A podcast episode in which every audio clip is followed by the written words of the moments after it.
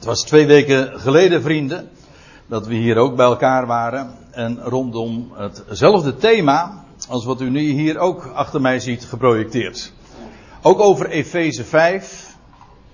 En we hadden het over de relatie man en vrouw. Of meer specifiek over de relatie van de man tot zijn vrouw of van de vrouw tot haar man. Daarover gaat het namelijk in het tweede gedeelte van Efeze 5 vanaf vers 22. En dat gedeelte vanaf vers 22 tot aan het einde van het hoofdstuk, tot vers 33 om precies te zijn. Dat gaat over die verhouding van man en vrouw. En Paulus stelt die verhouding op een hele bijzondere wijze in het licht. En feitelijk moeten we de climax van zijn betoog nog krijgen. Ik heb dat de vorige keer ook al even aangegeven. We zijn de vorige keer zo ongeveer halverwege gebleven. Dat was uiteraard zo gepland. Maar het is zo compact, er staat zoveel in. Het gaat ook zo in tegen alles uh, wat we zo vandaag in de dag allemaal denken. En ook wat we kwijtgeraakt zijn aan normale ABC-inzichten.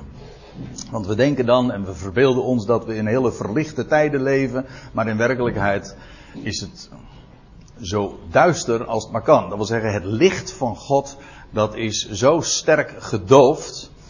En ja, nou, daarom zijn we hier natuurlijk ook bij elkaar. Om het woord te laten spreken. En ik wil dat ook maximaal doen. En het is aan u om dat uiteraard te beoordelen. En wellicht is het even nuttig om nog een paar highlights, een paar belangrijke punten die ik de vorige keer naar voren gebracht heb, te, te bezien en even nog aan herinnerd te worden. De relatie van Christus en de Ecclesia, de gemeente zo u wilt, wordt ten voorbeeld gesteld aan man en vrouw. Ik zeg het expres even zo, eh, uitdrukkelijk. Waarom? Het is niet zo dat de relatie van man en vrouw wordt vergeleken of ten voorbeeld wordt gesteld aan Christus en de Ecclesia.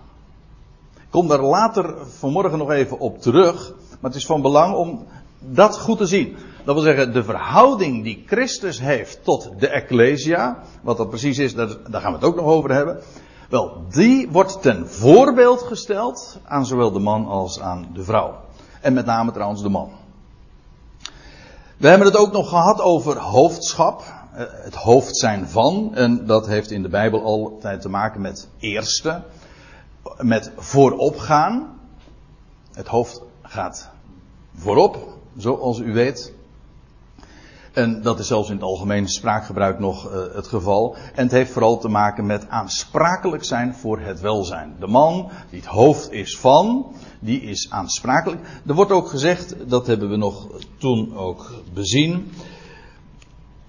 Zoals Christus in vers 23 van Efeze 5, zoals Christus het hoofd is van zijn gemeente, van de Ecclesia. Hij is het, staat er, die zijn lichaam in stand houdt. Of letterlijk, hij is de redder van het lichaam. Of de, de behouder, of de, en daarmee ook de onderhouder van dat lichaam. Dat is wat hoofdschap is. De Christus is daarvoor verantwoordelijk.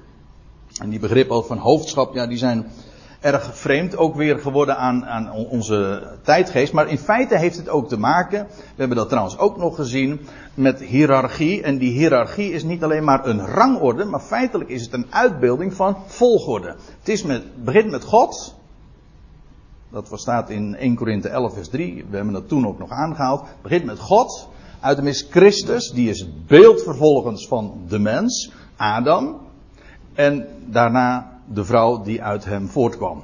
Dus uh, die, die rangorde is in feite dus een uitbeelding van een volgorde. Het begon met Christus, hij, pardon, met God, de eerste. Uit hem is Christus, die het beeld is, vervolgens de man en vervolgens de vrouw. In die volgorde is dat ontstaan en de rangorde beeldt die volgorde uit. Nou, en daarmee dus, uh, Christus is het hoofd van het lichaam. De Ecclesia. Eigenlijk is dat een van de thema's. Nee, ik durf het nog anders te zeggen.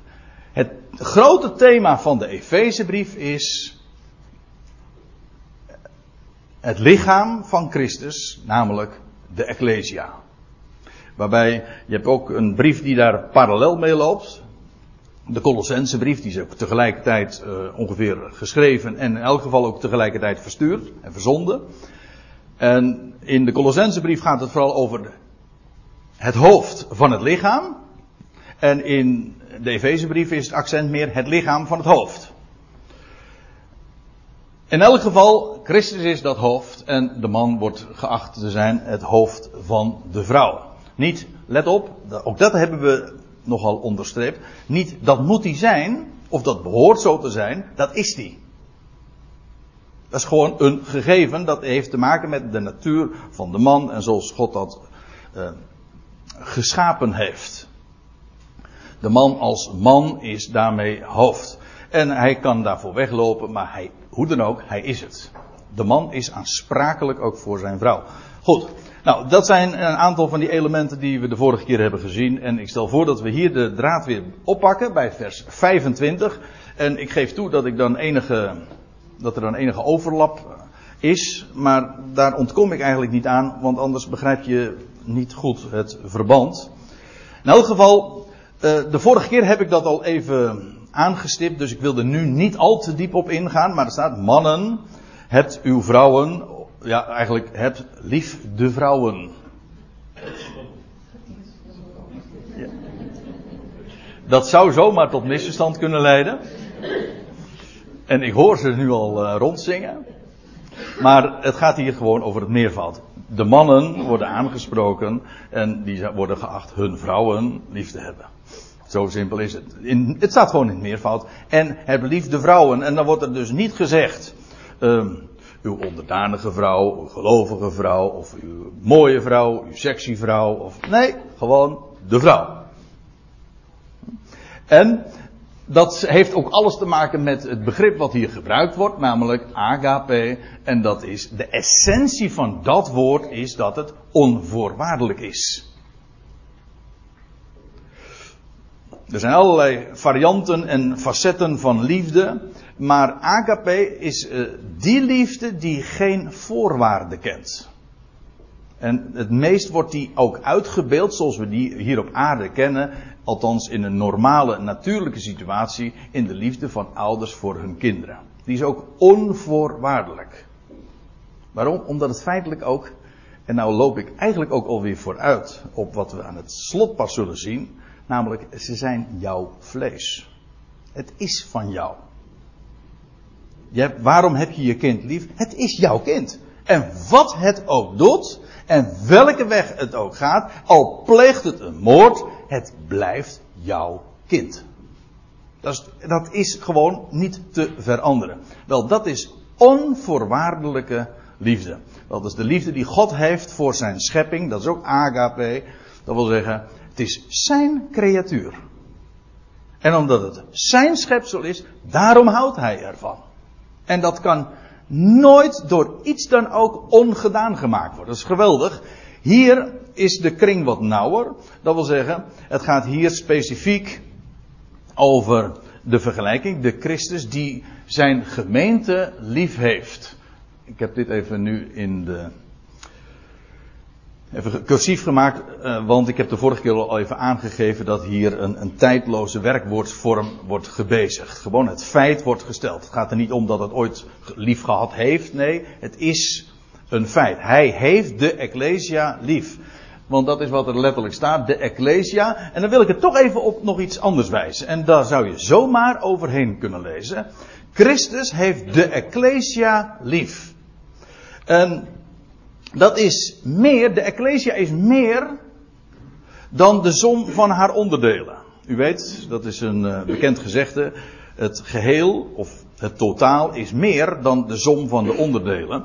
En dat is met deze waarheid ook het geval. De Ecclesia is niet alleen maar alle gelovigen individueel die deel uitmaken van die Ecclesia. Nee, de Ecclesia dat zijn de gelovigen vergaderd. Het is namelijk de uitgeroepen vergadering. Een, de gelovigen tezamen, dat is een ecclesia. Het is per definitie een vergadering. Al zijn het er maar twee of drie. Maar de vergadering. Daar waar gelovigen samen zijn. En ze ondergeschikt aan Christus. En dus luisteren naar zijn woord. Wel, daar is de Ecclesia. Daar, en, en dan is het ook zo bijzonder, dat is de volksvergadering. Ik heb die expres die link of die verwijzing naar eh, Handelingen 19, vers 41, maar er zijn nog een paar eh, versen waar dat zo vermeld wordt. Het wordt ook zo vertaald dan in de MBG-vertaling, eh, in ieder geval, met de volksvergadering. Dat wil zeggen, daar, de Ecclesia is in feite ook een, een waardeoordeel. Het is maar niet zomaar een vergadering, nee, het is de vergadering van het volk. Daar waar gelovigen samen zijn en luisteren naar zijn woord, daar is de Ecclesia. Daar wordt het geheel aanwezig geacht.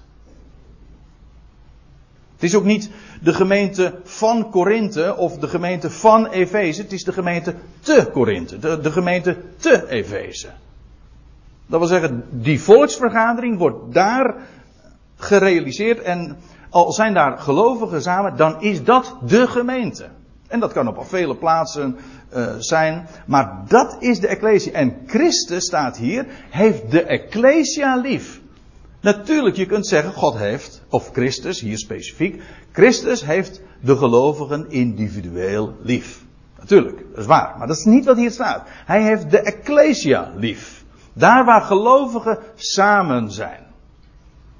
En luisteren naar zijn woord. Wel, Christus heeft die Ecclesia lief. De gelovige dus vergadert. Hij ziet dat graag. Hij houdt daarvan. En, en dat, het is zelfs zo sterk, want we lezen door. Hij heeft de Ecclesia lief en zich voor haar overgegeven. Heeft overgeleverd. En dat woord wordt uh, heel wat keren in de Bijbel, in het Nieuwe Testament ook gebezigd. Maar dat heeft overgeleverd, dat moet je dus zien als een totale overgave. Iets wat je overlevert. Ik heb hier een paar voorbeelden erbij staan. Bijvoorbeeld in Johannes 19, vers 16, daar lees je. Toen gaf hij, dat is Pilatus, hem, Jezus, aan hen, de Joden, over, of ja, aan de Joden, over om gekruisigd te worden. Dat wil zeggen, Pilatus zegt, ga je gang, hier heb je hem. En even later lees je van de Heer Jezus in datzelfde hoofdstuk. Hij gaf de geest over. Hij leverde de geest over. Hij gaf dat totaal. Iets wat je overlevert, dat is dan vervolgens van de ander. Wel, dat woord over, heeft overgeleverd, dat is wat hier gezegd wordt van Christus. Wat hij, hij heeft de Ecclesia lief. En dat is maar geen abstractie, dat zullen we zien, want het wordt ook in het navolgende vers, wordt het ook uitgedrukt en aangegeven hoe hij dan die Ecclesia lief heeft. Hij geeft zich helemaal over vandaag. Dat is een geweldige gedachte. Christus houdt zich vandaag niet bezig, ik lees het nergens in de Bijbel, met de wereld. Straks wel. Straks lees je, in, dat staat bijvoorbeeld in Psalm 2, dat hij volkeren zal vragen, vraag mij de volkeren ten erfdeel en ik zal ze u geven. En dan zal hij de plaats gaan innemen in Jeruzalem en hij zal Israël en de volkerenwereld daarover heersen. Dat is vandaag niet het geval. Christus is verborgen. Alles is vandaag verborgen. Hij opereert in het verborgene. Hij wordt niet gezien. Maar wat doet hij? Wel, hij heeft de Ecclesia lief. En zet zich totaal in voor die Ecclesia. Dat is wat hier staat. Ja, waarom? Om haar te heiligen, dat wil zeggen apart te stellen, maar dan niet zomaar alleen apart te stellen, apart te stellen voor God. Dat is de betekenis van dat woord heiligen. Let op, hij is het die dat doet. En, hoe, en wat betekent dat dan? Wel, in wezen, dit is positief. En dat reinigen, dat heeft altijd te maken, je wordt van iets gereinigd. Hij reinigt haar door het waterbad met het woord of letterlijk in uitspraak. En ik heb de vorige keer al even op gewezen dat daar in Johannes 15 bijvoorbeeld, dat vind ik een heel sterk voorbeeld over de Heer Jezus daar in de opperzaal, die zich ook overgeeft aan de zijnen die daar vergaderd zijn en hen reinigt. Schitterend type trouwens. Maar in elk geval, en dan zegt de Heer bij die gelegenheid in de opperzaal: Jullie zijn rein om het woord dat ik tot u gesproken heb. Dat woord, dat heeft een reinigende werking. Er wordt hier niet gesproken over het bloed dat reinigt, dat is, dat is weer een heel andere waarheid. Er wordt hier gesproken over de Heer spreekt zijn woord. En hij reinigt de Ecclesia. Dat wil zeggen, als de gelovigen tezamen zijn en ze zijn ondergeschikt, dat is de vanzelfsprekende positie van die Ecclesia. Ze zijn ondergeschikt aan hem.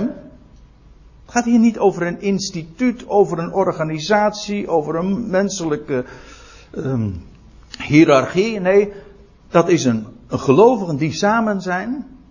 Die hebben een hoofd. Die hoeven geen hoofd aan te stellen, die hebben een hoofd. En één hoofd is meer dan genoeg.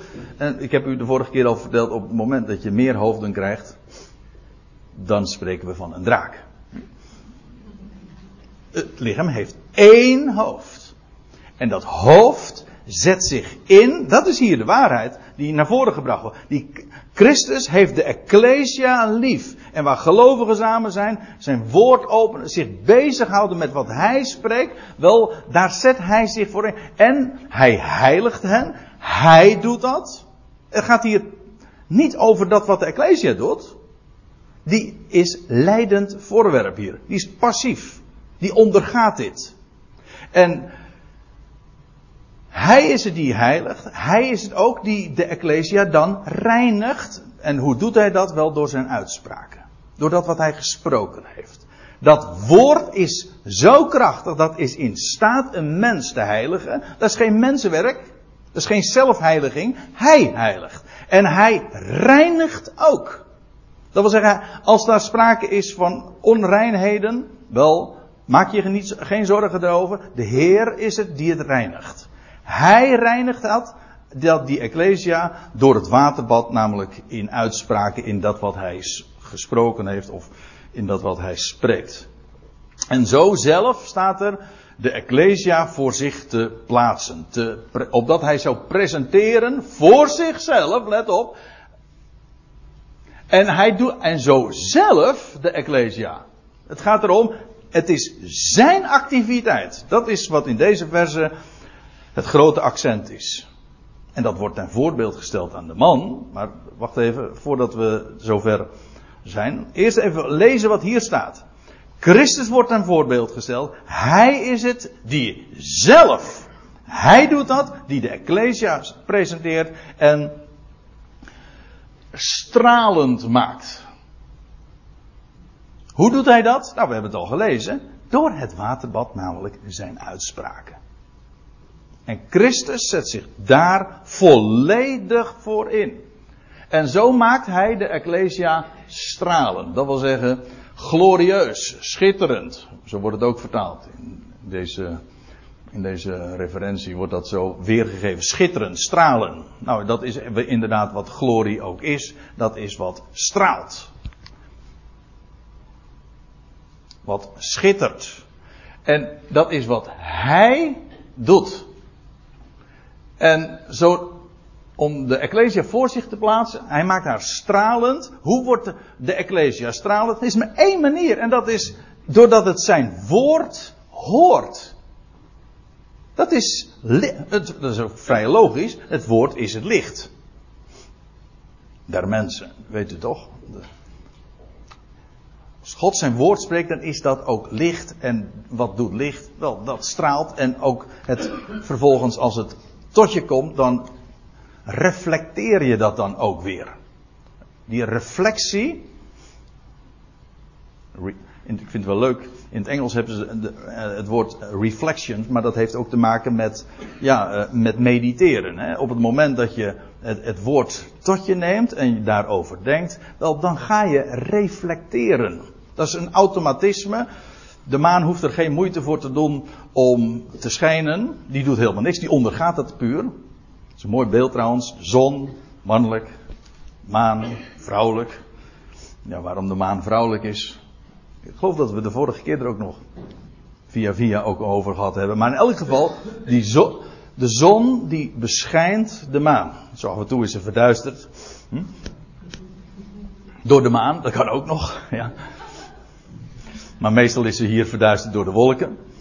Zo bijzonder is dat niet, dat, uh, die verduistering op zich natuurlijk. Maar in elk geval, de Heer Christus is het die de Ecclesia doet stralen. Dat is puur zijn, dat zijn woord. En hoe wil je, als je stralend wil wezen, dat geldt persoonlijk, maar dat, is, dat geldt ook voor de vraag die je zou kunnen stellen als je samenkomt. Hoe gaat dat? Nou, het heel eenvoudig. Neem dat woord gewoon sec tot je. Onderschik je daarin. Dat is ook een van de onderwerpen natuurlijk van dit gedeelte. Luister daarnaar. En dan zul je weten en ervaren, dit is de werking daarvan. En uh, zo de Ecclesia voor zich te plaatsen zonder vlek, dat is dus een verontreiniging. Maar ook of rimpel, of iets in die trant. Een vlek dat is een, een onreinheid, een flinke, een rimpel heeft te maken met veroudering. Toch? Als je goed kijkt, ja, ja. Sommige mensen hebben er wat meer last van dan anderen, maar een rimpel heeft te maken met veroudering. Maar wat het woord doet, dat vitaliseert. Hij is het die de Ecclesia vitaal houdt. Door zijn woord. En verjongt. Die uw, nou, nou ben ik eigenlijk toch weer terug bij waar ik mee begon. Namelijk, die uw jeugd vernieuwt. En hoe gaat dat? Wie de Heere verwachten. Die wie steunt op zijn woord. Die wordt verjongd. Die wordt boven de omstandigheden uitgetild. Die gaat stralen. Die wordt verjongd. Eh, zonder vlek of rimpel. En dat is allemaal wat hij doet. Zodat zij heilig is en onbesmet.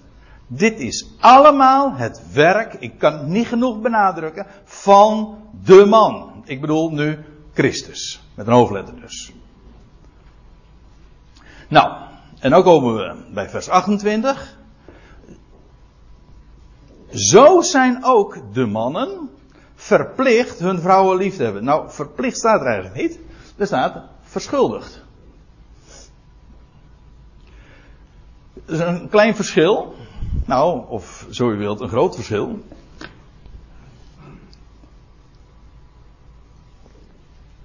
Want, kijk, het is, verschuldigd betekent, het is geen verdienste.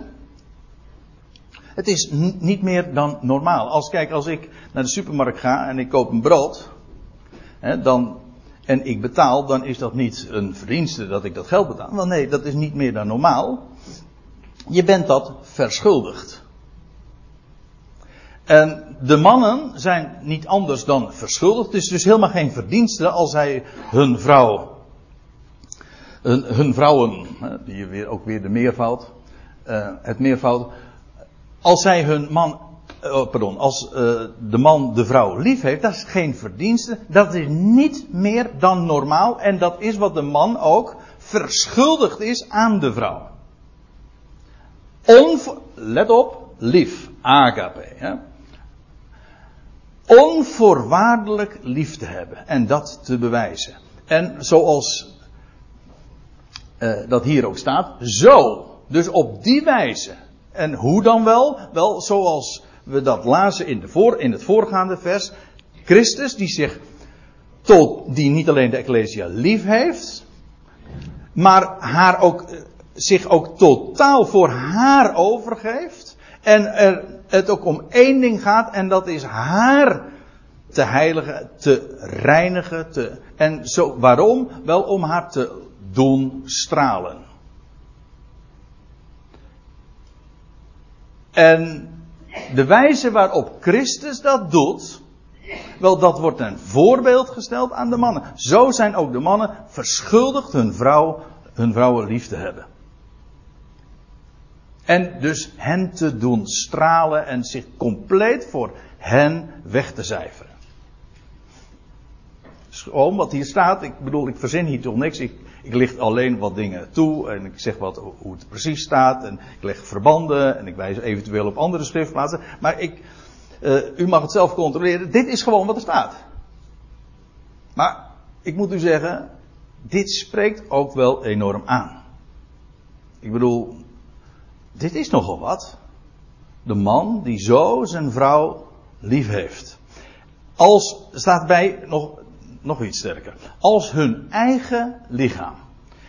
Het Paulus geeft, neemt hier al een voorschot op wat hij feitelijk nog moet aangeven. Want tot dusver is nog niet aangegeven en gemotiveerd waarom die relatie tussen Christus en de Ecclesia nou een ten voorbeeld wordt gesteld aan man en vrouw. Wat is de connectie dan? Is dat dan ook een man-vrouw relatie? Nou, let even op. Hou, we houden de draad vast. De vrouw, ze zouden hun vrouw lief hebben als hun eigen lichaam. En weet u wat dat betekent? Dat is A, vanzelfsprekend. Bovendien, je kunt je daar niet eens aan onttrekken. Je kunt daar geen afstand van doen. In wezen, in het Oude Testament was het zo geregeld. Ik bedoel, in de wet eh, van Mozes. Eh, bijvoorbeeld bij echtscheiding. Dat een man afstand kon nemen van zijn vrouw. Als dan, dan, lees je van. En eh, dan later is het, zijn het de fariseeën die bij de Heer Jezus dan komen en dan zeggen van ja, onder welke omstandigheden kan dat dan allemaal? En ze proberen hem daar in de strik op voor te leggen. En dan, dan zegt de Heer Jezus, ja, dat is vanwege de hardheid van hun hart. Dat wil zeggen, als een man niet in staat was zijn vrouw te vergeven, of dat eh, in genade te bezien, ja, dan kon hij afstand daarvan nemen. Onder het oude verbond was dat zelfs wettelijk ook geregeld. Dat was weliswaar niet de bedoeling, maar dat werd niettemin toegestaan. Paulus tilt hier het thema op een veel intiemer niveau en zelfs eigenlijk waardoor dat onmogelijk wordt. Want hier wordt gesproken over de liefde van een man voor zijn vrouw als zijn eigen lichaam. Ja, sorry, daar kan ik geen afstand van doen. Hoeveel nadelen er ook aan mogen kleven. Hè? En hoeveel moeite het je ook oplevert. En hoeveel bezwaren er ook zijn die je tegen je eigen lichaam kunt hebben. Je kunt er geen afstand van doen. Nou, dat is wat hier gezegd wordt. Ze, uh, de man die zijn vrouw lief heeft, als zijn eigen lichaam. Wie zijn eigen vrouw lief heeft, Paulus verklaart zich nader. Wie zijn eigen vrouw lief heeft, heeft zichzelf lief. En dat is dus niet meer dan normaal. Ik weet dat sommige mensen dat, uh, met name christenen, die zeggen: je mag geen liefde voor jezelf hebben, maar in de Bijbel wordt dat juist verondersteld. Uh, kan het nog wel uh, wat nader laten zien, want in, in vers 29 laat Paulus dat. Gaat daar nog ver, dieper op in, want dan zegt hij: Niemand haat ooit zijn eigen vlees. In de Bijbel is dat gewoon ook onnatuurlijk. Het, het gebod, hm, zoals we dat telkens weer vinden. De naaste lief te hebben, er staat erbij, als zichzelf. Is geen gebod om jezelf lief te hebben. Dat je, jezelf lief hebben, dat wordt verondersteld. Dat is normaal.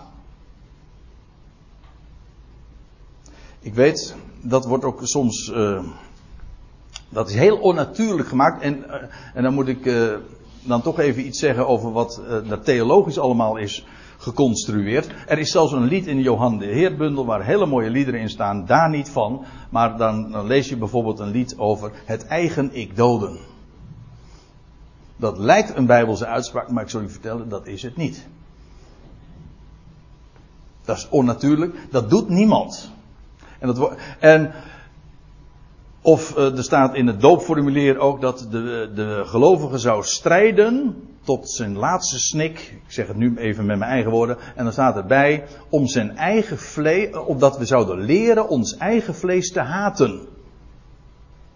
Nou, leg dat nou eens naast wat uh, Paulus zegt in Efeze 5 vers 29. Dat doet geen mens. Dat is onnatuurlijk. Het idee is juist, het, het, uh, het motief zelfs tot, van wat Paulus hier naar voren brengt.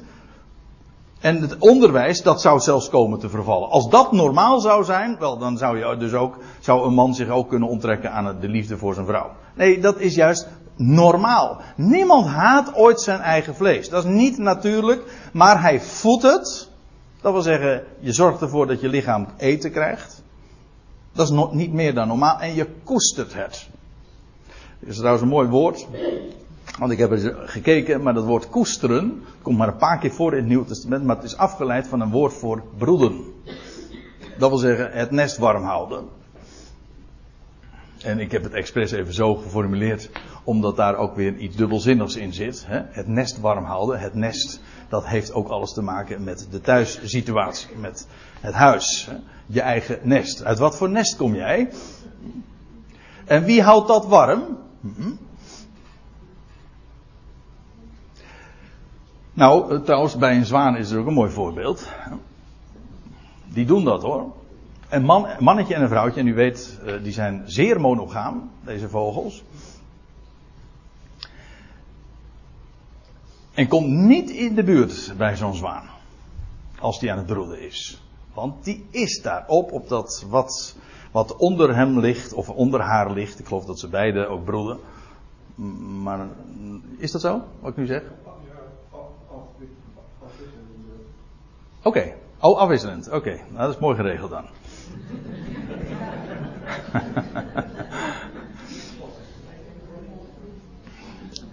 Maar in elk geval, zo'n mannetje, zo'n vrouwtje, die accepteert niemand in de buurt, want dat moet beschermd worden. Nou, die liefde, eh, daar, wordt, daar gaat het hier ook over. Uh, maar het gaat hier in, over de normale situatie dat een mens die zorgt voor zichzelf.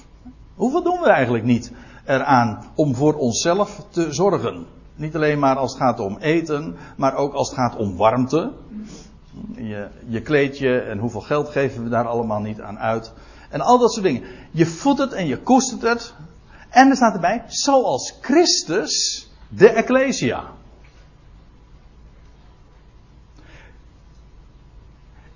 En nou lees ik nog even verder, want dit motiveert Paulus, omdat wij leden zijn van zijn lichaam. En nou denk je, wat een merkwaardige beeldspraak, want hier wordt gesproken over de liefde van de man voor zijn vrouw. En tegelijkertijd wordt dit dan gemotiveerd met de liefde die Christus heeft voor zijn lichaam. Maar hoe kan dat dan? Er blijft een vraag liggen. Let er trouwens even op dat hier staat, uh, zoals Christus de Ecclesia lief heeft. Die heeft namelijk, Christus heeft de Ecclesia lief, namelijk het is zijn vlees, het is zijn lichaam. Het is dus niet, dat, ik weet dat dat uh, ook uit Efeze 5 dan soms gehaald wordt, maar dan lees je echt niet nauwkeurig. Uh, en dan leg je er dingen in. Het gaat hier dus niet over de, dat de Ecclesia de bruid is. Juist niet zou ik zeggen. Het gaat hier over, een, over de relatie van gemeenschap. Dat is juist niet voorbehouden aan de man en zijn bruid, of de bruidegom en de bruid. Die, dat, de bruid wordt de vrouw. Maar is het niet. Die, ze zijn nog geen gemeenschap. Ze zijn nog geen eenheid. Maar de idee in Efeze is juist, we zijn één met hem. We zijn één vlees met hem. We zijn zijn lichaam. En het idee van die bruid, ja, dat is uh, heel duidelijk uh, Israël, de versen waar dat misschien wel het meest sterk in expliciet ook gezegd wordt, dat is in Hosea 2. En er is trouwens ook, ja, er zijn prachtige beelden van, in een heel Bijbelboek is daar het lied der liederen, het hooglied. Dat gaat van het begin tot het eind, ja, over de liefde van de bruidegom voor de bruid en vice versa. Maar wat daarin zo vanaf het begin tot het eind ook doorklinkt, is de liefde daarmee van de Messias, de bruidegom, en zijn bruid. En hij raakt haar dan kwijt op een gegeven ogenblik. Pracht, ik wil heel graag nog eens een keertje, ja dat wordt dan waarschijnlijk een serie, over het, het lied der liederen, uh, een, een bijbelstudie doen, want daar, daar zit zo enorm veel in. Want, het ga je, want dat laat ook zien dat Israël de Heer heeft liefde voor Israël. Maar dat is een bruidegom-bruid verhouding. Dat wil zeggen, het is nog steeds niet zijn vrouw. Er is nog geen gemeenschap. Integendeel, hij is nu ook zelfs zijn bruid kwijt. In het boek Hooglied gaat daar ook over. Dat is een, er zit ook een verhaallijn in. En dat is op een gegeven moment, hij zoekt zijn bruid. Waar is ze? Uiteindelijk vindt hij er. Ja, maar dat is een prachtige uitbeelding van de tegenwoordige tijd. De bruidegom is er, de bruid is er, maar er is nog geen gemeenschap. Hij zoekt die bruid. En straks, en dat lees je in, in Hosea 2, maar er zijn meer schriftplaatsen, Jezaja, Jeremia, wordt dat uiteengezet. Straks gaat de Heer een nieuw verbond, een nieuw huwelijksverbond met zijn volk sluiten. Gaan ze samenwonen in het land, dat is de echtelijke woning feitelijk. En dat is een bruiloft. Op de derde dag was er een bruiloft. Johannes 2. Ja, ik ga, nu even wat dingen door elkaar halen. Op de derde dag was er een bruiloft. Die tekst staat mij ook erg voor de geest. Ik kijk nu naar Petra. Het was namelijk uh, wat boven onze trouwkaart ontstond. De derde dag was er een bruiloft. Johannes 2 vers 1. En, en u weet, dat is die geschiedenis van uh, de bruiloft te Cana. De Heer was daar uitgenodigd en wij, hij veranderde water in wijn. Maar dat is zo schitterend profetisch. Dat wil zeggen, de Heer die zijn volk zal huwen. En wanneer zal dat zijn? Wel na 2000 jaar. Op de derde dag. En dan zal er een dag. En voor hem is dat duizend jaar gaat er een feest gevierd worden. In feite die duizend jaren, dat millennium, dat is een bruiloft. Met vele gasten die daar uitgenodigd zijn. Namelijk de volkerwereld. Die gaat dat feest vieren. Van die eenheid van de Heer, de Messias, met zijn bruid, Israël. Een schitterend onderwerp, maar dat is niet het thema van Efeze 5. Daar gaat het niet over de, de Ecclesia die zijn bruid is. Nee, de Ecclesia is zijn lichaam. En de Heer houdt van de Ecclesia. Het is zijn lichaam. Dat is het.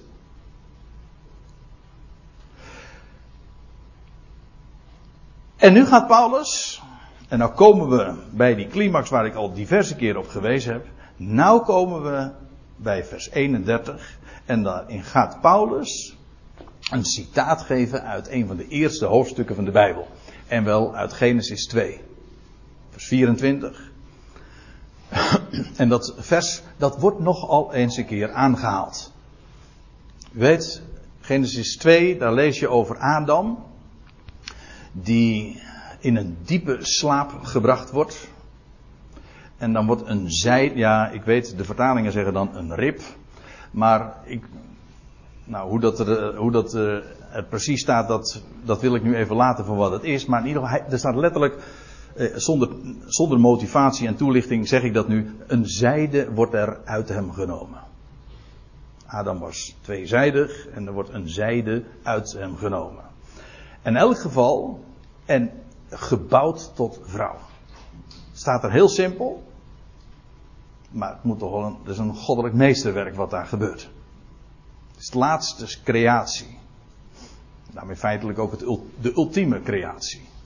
Maar goed, uh, Adam wordt wakker. Ja, en toen dacht hij, uh, dat is een rib uit. Nee. Dan, nou, hoe staat het er?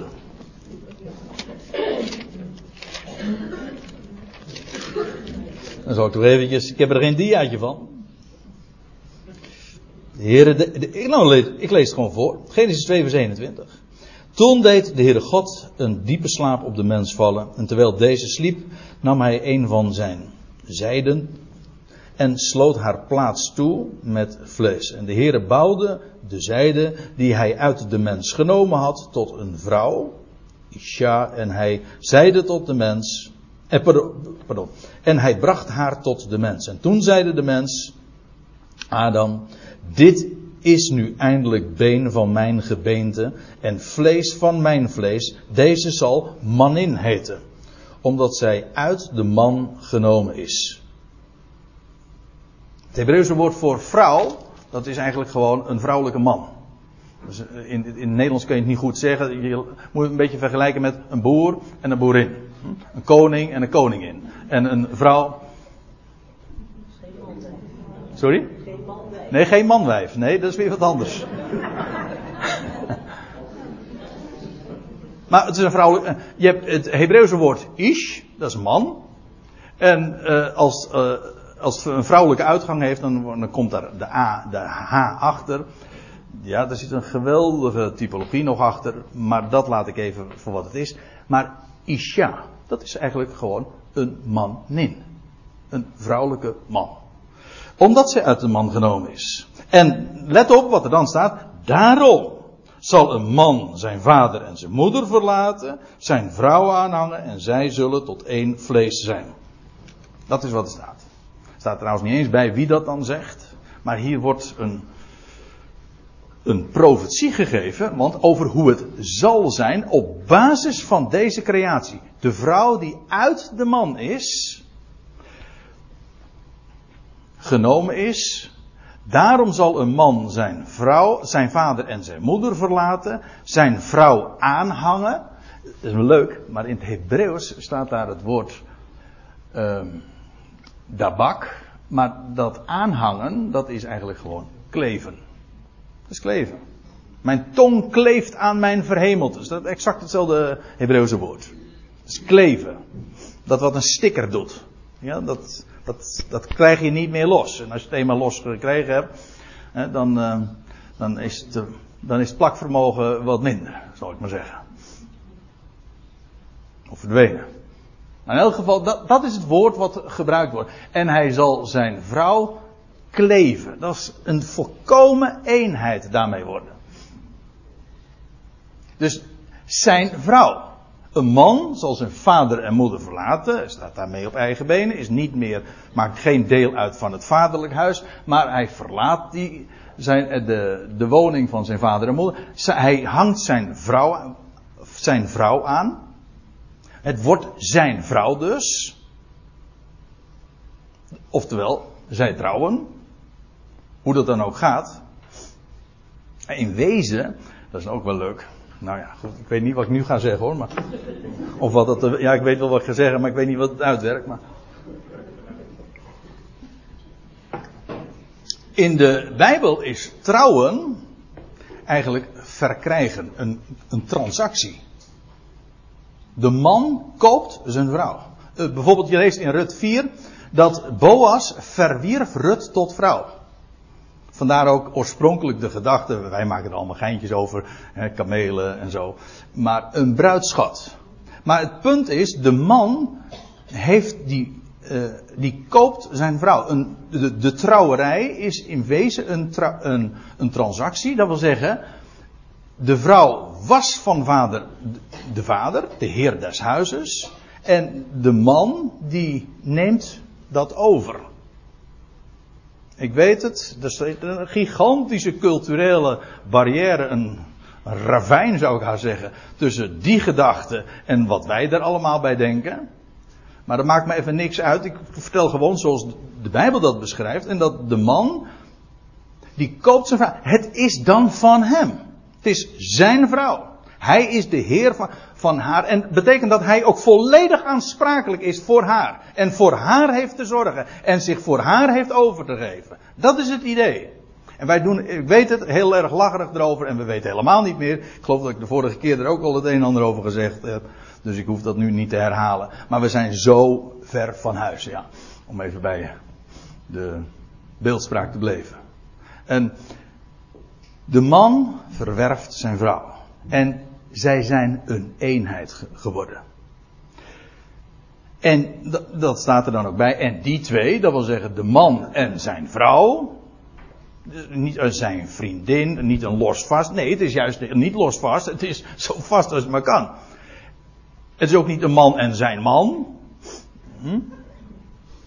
Ja, dus, dus we hebben van allerlei varianten bedacht. En we noemen dat nog een huwelijk ook. Nou, ik bedoel, en dat heet dan nog verlicht. Dan ben je echt compleet de draad kwijt, hè?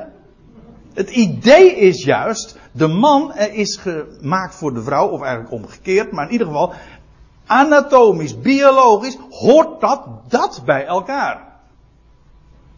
Of niet soms? Dat hoef ik toch niet uit te leggen. Dat is de natuurlijke gedachte. Dat is ook wat wat de seksuele identiteit is. Je bent. Kijk, wij spreken over. Wij, on, wij definiëren seksuele identiteit naar gevoelens. Hè. Je hebt bepaalde neigingen. Bijvoorbeeld, je hebt liefde voor uh, kleine kindertjes, ik noem maar wat. Of je hebt liefde voor uh, iemand van hetzelfde geslacht. of je hebt de neiging ertoe. Overigens, de Bijbel zegt daar geen woord over. Ook nooit veroordelend. De Bijbel zegt niets veroordelend over homofilie bijvoorbeeld. De neiging om je aangetrokken te voelen tot iemand van hetzelfde geslacht. Daar spreekt de Bijbel niet eens over. Maar de Bijbel kent ook niet zoiets als een homofiele identiteit. Je bent een man. Er zijn maar twee soorten identiteit. Seksuele identiteit. En dat is een man en vrouw. Je bent mannelijk of je bent vrouwelijk. En als je mannelijk bent, ben je geschapen voor de vrouw. En als je vrouw bent, dan ben je vrouwelijk bent, dan ben je geschapen voor de man. Terwijl ik zo spreek, denk ik van, goh, ja, het wordt opgenomen. En, uh, het zou zomaar afgedraaid kunnen worden, zulke, zulke ouderwetse praat. In een of andere programma op de tv zegt van, joh, zeg. Wat is, wat, is dat, wat is dat uit de tijd? Maar de Bijbel spreekt erover en het is schitterend. Het is zo mooi. Zoals de Bijbel daarover spreekt. En het ook in relatie brengt. Juist daarom is het zo mooi. Met God. En met zijn liefde. En met de liefde van Christus voor de Ecclesia. En in andere opzicht, zoals we het er zojuist even over hadden als het ging om bruidegom bruid. De liefde van de bruidegom voor de Heer, voor zijn volk. Zijn schitterende uitbeeldingen. Zoals de man. De man met een hoofdletter bedoel ik nu verantwoordelijk is voor zijn vrouw en haar doet stralen en helemaal voor haar gaat. Dat zijn toch prachtige uitbeeldingen. Onlosmakelijk. Daar kan die geen eens afstand van doen. Dat is, de, de gedachte is als dwaas. Nou, die twee staat er dan, de man en zijn vrouw, die zullen tot één vlees zijn. Ja, waarbij dat tot één vlees zijn, dat heeft uiteraard sowieso te maken. Dat weten we bijvoorbeeld uit dit vers, maar dat lijkt me nogal voor de hand liggend. Het gaat over de lichamelijke gemeenschap, waarbij de man één wordt, lichamelijk, vleeselijk dus, met de vrouw. Dat is logisch. En je leest bijvoorbeeld in 1 Korinthe 6, in dit vers, dat als een man gemeenschap heeft met een hoer, dan wordt hij één lichaam met haar. Ja, dat is lichamelijke eenwording. Maar ik zal u vertellen, het gaat nog verder. Het heeft namelijk ook te maken met het kind dat daaruit voortkomt. Kijk, als een man gemeenschap heeft met de vrouw, dan, dan is dat lichamelijke gemeenschap. Maar wat daar vervolgens uit ontstaat, is een eenwording op een veel hoger niveau, namelijk dat de zaadcel en de eicel samensmelten. En wat daaruit voortkomt, is één kind. En dat kind, dat is één vlees. Dat is het resultaat van de man die gemeenschap heeft met de vrouw. En in dat kind, ja, dat is dat ene vlees wat voortkomt uit die lichamelijke eenwording. En dat kan, in die zin, kan dat ook trouwens weer niet gescheiden worden. Ik bedoel, een man kan gemeenschappen hebben met een vrouw en daaruit komt het kind voort. En dat kind is, hoe dan ook, wat er vervolgens ook al gebeurt, maar dat is de, het resultaat van de eenwording van man en vrouw. Vandaar ook dat als dat uit elkaar gerukt wordt, dat dat zo enorm veel schade aanricht.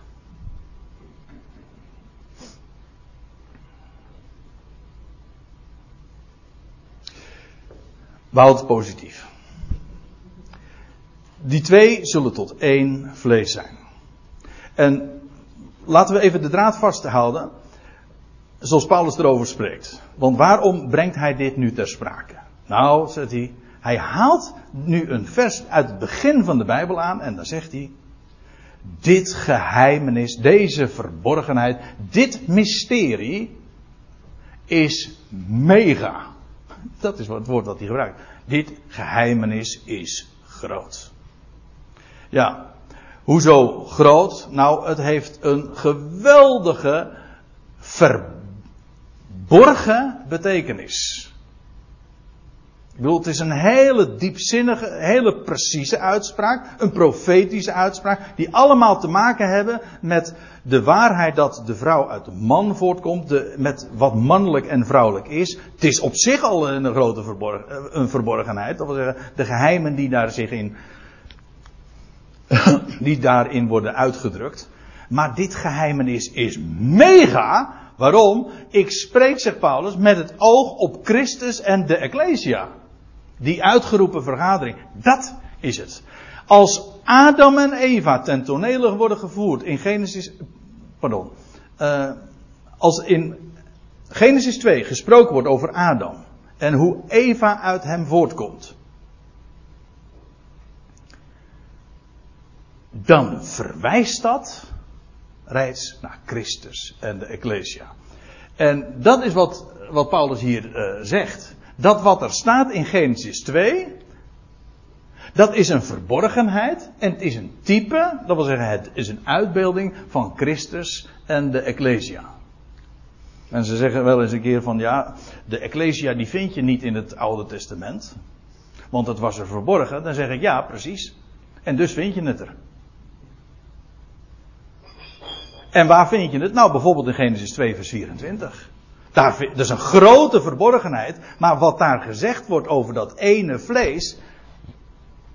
Dat verwijst naar Christus en de Ecclesia. Adam als type van Christus en de Ecclesia. De Ecclesia ontstaan ook in de slaap van de laatste Adam. In de doodslaap bedoel ik nu dus. Ook. is nog, dus is nog iets fraais aan, aan, verbonden. Want Eva is de enige vrouw in de Bijbel die nooit een bruid was. Eva was al één lichaam met Adam voordat zij er was zelfs. Er, is, er bestaat zelfs geen Eva buiten Adam om. Kijk, en als Paulus dan verwijst naar Genesis 2, Eva, die één vlees is, was en is met Adam, wel zegt Paulus, dat is een grote verborgenheid, want het spreekt van Christus en de Ecclesia. Er zijn andere typen in de Bijbel van, ik noem maar wat, van Isaac en Rebecca, of van Jacob en Rachel. Eerst Lea, Rachel. Dat zijn prachtige typen van wat er straks in de toekomst gaat gebeuren met Israël en, en pardon, met de Heer en Israël. De Messias die zich zal verbinden met zijn volk. Maar hier, Eva is een type van de Ecclesia. Die één vlees was en is. Nooit de bruid is geweest van Adam. Ze is per definitie één vlees, één lichaam met Adam. En toen zij uit Adam genomen was, ja, toen was zij nog steeds één vlees. En wel, dat is waar het over gaat. En wat Paulus in dit gedeelte uiteenzet over de man die zijn vrouw lief heeft, zoals Christus de Ecclesia lief heeft, dan kan hij dat doen omdat hij zin speelt op die waarheid in Genesis 2, op Adam en Eva. Die één vlees zijn. En het heeft te maken met Christus en de Ecclesia. En dan, dat is het laatste vers dan van Efeze 5. Intussen, ook gij, jullie, laat ieder voor zich zijn eigen vrouw zo lief hebben als zichzelf. Dat is wat Paulus in dit gedeelte naar voren gebracht heeft. Het is niet meer dan normaal. En het gaat hier, wordt ook de man aangesproken. En dat geldt trouwens ook voor het navolgende, want dan staat er en de vrouw moet ontzag hebben voor haar man. Ik zal u vertellen, dat staat er niet. Want zoals het hier geformuleerd wordt, sowieso dat woordje moeten staat er niet. We zijn hier bezig te ontmoeten. We komen samen om te ontmoeten. Nou, dit is een mooi voorbeeld van ontmoeten, want hier staat dat woordje moeten niet. Je kunt gewoon doorstrappen, doorschrappen de vrouw wordt hier niet aangesproken. Er staat letterlijk opdat de. laat ik het zo lezen. Laat ieder voor zich zijn eigen vrouw zo lief hebben als zichzelf. Opdat de vrouw ontzag zal hebben voor haar man. Wie wordt hier aangesproken? De man, niet de vrouw.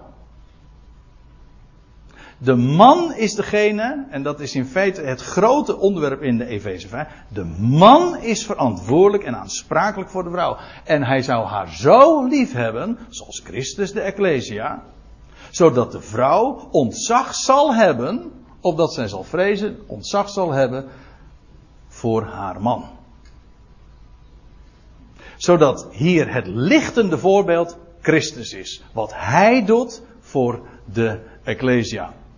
Nou, zo hebben we uh, in deze twee bijeenkomsten wat gezien over deze, nou wat zijn het er, een stuk of 10, 11 versen, waarin Paulus spreekt over het huwelijk op een unieke wijze. Een eenheid tussen man en vrouw zoals je dat nergens in de Bijbel tegenkomt. Nergens. Waarbij de man zijn vrouw lief als zijn eigen lichaam. En hij, Paulus, motiveert dat met een waarheid die profetisch in het verborgene spreekt van Christus en de Ecclesia. Christus heeft de Ecclesia lief. Onvoorwaardelijk. En zo mag de man zijn vrouw lief hebben. En zo mag de vrouw ook haar man zien en daarin ondersteunen.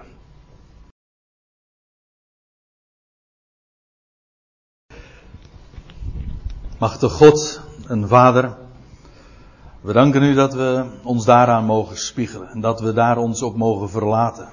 Op die liefde die onbegrensd is en die u bewezen hebt in uw Zoon, wiens naam is Jezus. Yahweh is redder. Onvoorwaardelijk. En dat uw trouw groot is. Elke morgen. Uw trouw is ook hemelhoog staat er in de psalmen en ook onbegrensd. U doet wat u belooft. Ons trouwen, dat wat er verdoor gaat en wat wij trouw noemen, dat mag zich daaraan spiegelen. En wat een geweldig fundament heeft. Daarmee ook het huwelijk gekregen. We danken u, Heer, dat we zo aardse verhoudingen als man en vrouw in dat licht mogen plaatsen. En zo ook mogen gaan stralen. Omdat we een God kennen die onvoorwaardelijk lief heeft. Omdat we een Heer hebben, een Christus kennen, die zich vandaag in het verborgene overgeeft en de Ecclesia lief heeft. En zich totaal wegcijfert voor haar, om haar te laten stralen. Heer, we danken u dat we als mannen daarin een voorbeeld mogen vinden. We danken u dat we als, als gelovigen ons mogen spiegelen aan zo'n Heer, aan zo'n groot God. Heer, en we zijn, de verhoudingen die kunnen soms zo verstoord zijn. Er zitten hier mensen in de zaal die vanuit hun eigen ervaring totaal andere dingen hebben te melden en hebben meegemaakt. En waarbij er een, een grote kloof misschien ook vanmorgen hebben ervaren tussen dat wat ze gehoord hebben en dat wat er staat opgetekend en hun eigen belevenissen en hun eigen ervaringen. Maar Heer, u bent het die ons optilt. Ons doet opstijgen als een arend. Ons uittilt boven de omstandigheden. En dat we ons volledig mogen overgeven aan zo'n groot God. Een God die nooit teleurstelt. Een God die ook nooit laat varen de werken van zijn handen. Wat een liefde, wat een trouw. En we danken u Heer dat we dat mogen reflecteren. Dat we zo stralende mensen mogen zijn die een goed bericht mogen kennen van een God die nieuw leven voortbrengt. Dat onvergankelijk is. Heer, wat een geweldige toekomst hebt u voor ons weggelegd. Danken u, Heer, dat we deel uit mogen maken van de Christus. Zijn lichaam mogen zijn. Dat wij straks ook betrokken zijn bij dat huwelijksfeest. De bruid, als, als lichaam van de bruidegom straks met Israël mogen huwen. En dat, dat geweldige feest in het millennium mogen meemaken. Heer, er is nog zoveel te beleven. U hebt nog zoveel in op uw programma staan. We zien daar naar uit. Leer ons ook waardig zo ook elke dag te wandelen. En te weerspiegelen wie u bent. En wat de rijkdom is van uw woord. En wat u bij machten bent te doen in ons leven. Amen.